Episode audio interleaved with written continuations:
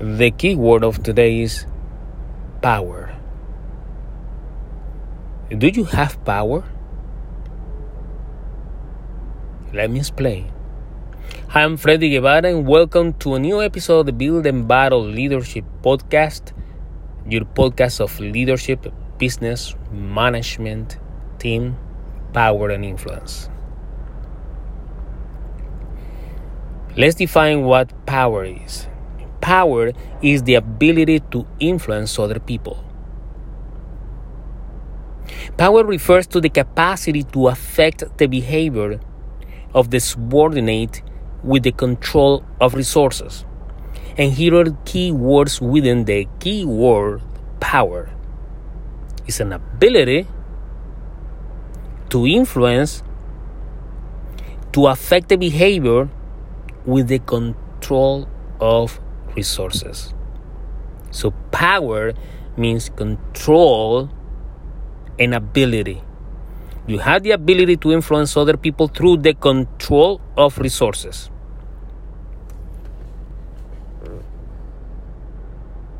And I want you to have a very clear distinction between power, influence, and authority.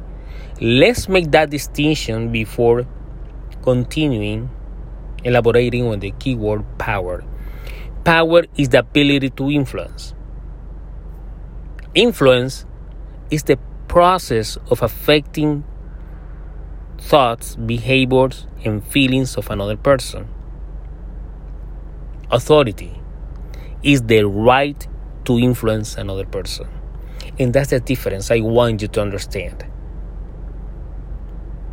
Authority is the right, is the positional right you have to influence other people.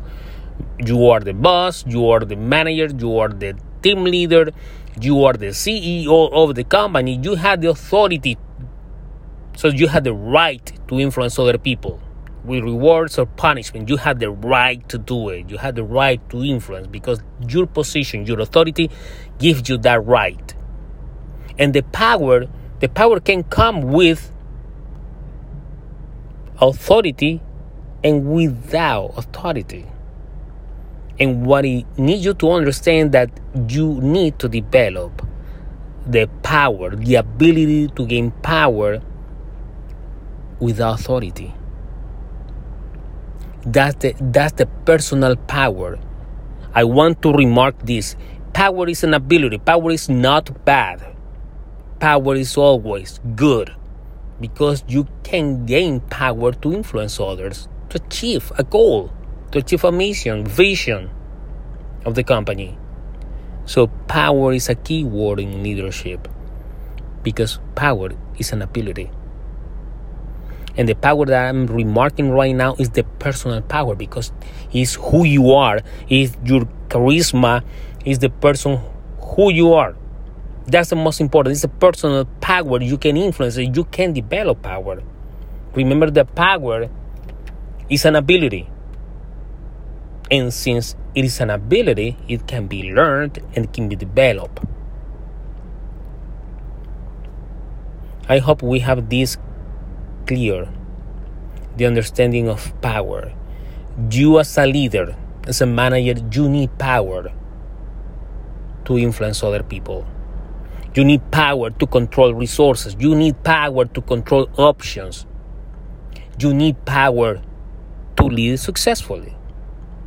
And I respect other authors, other speakers that say the power, the leadership is no power, that you, in order for you to lead successfully, you don't need power, that you need. In real life, in real life, you need power. Okay?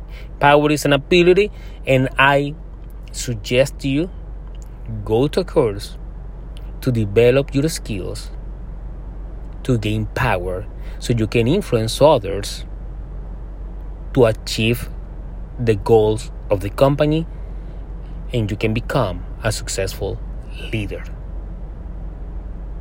What do you think? Let me know your thoughts.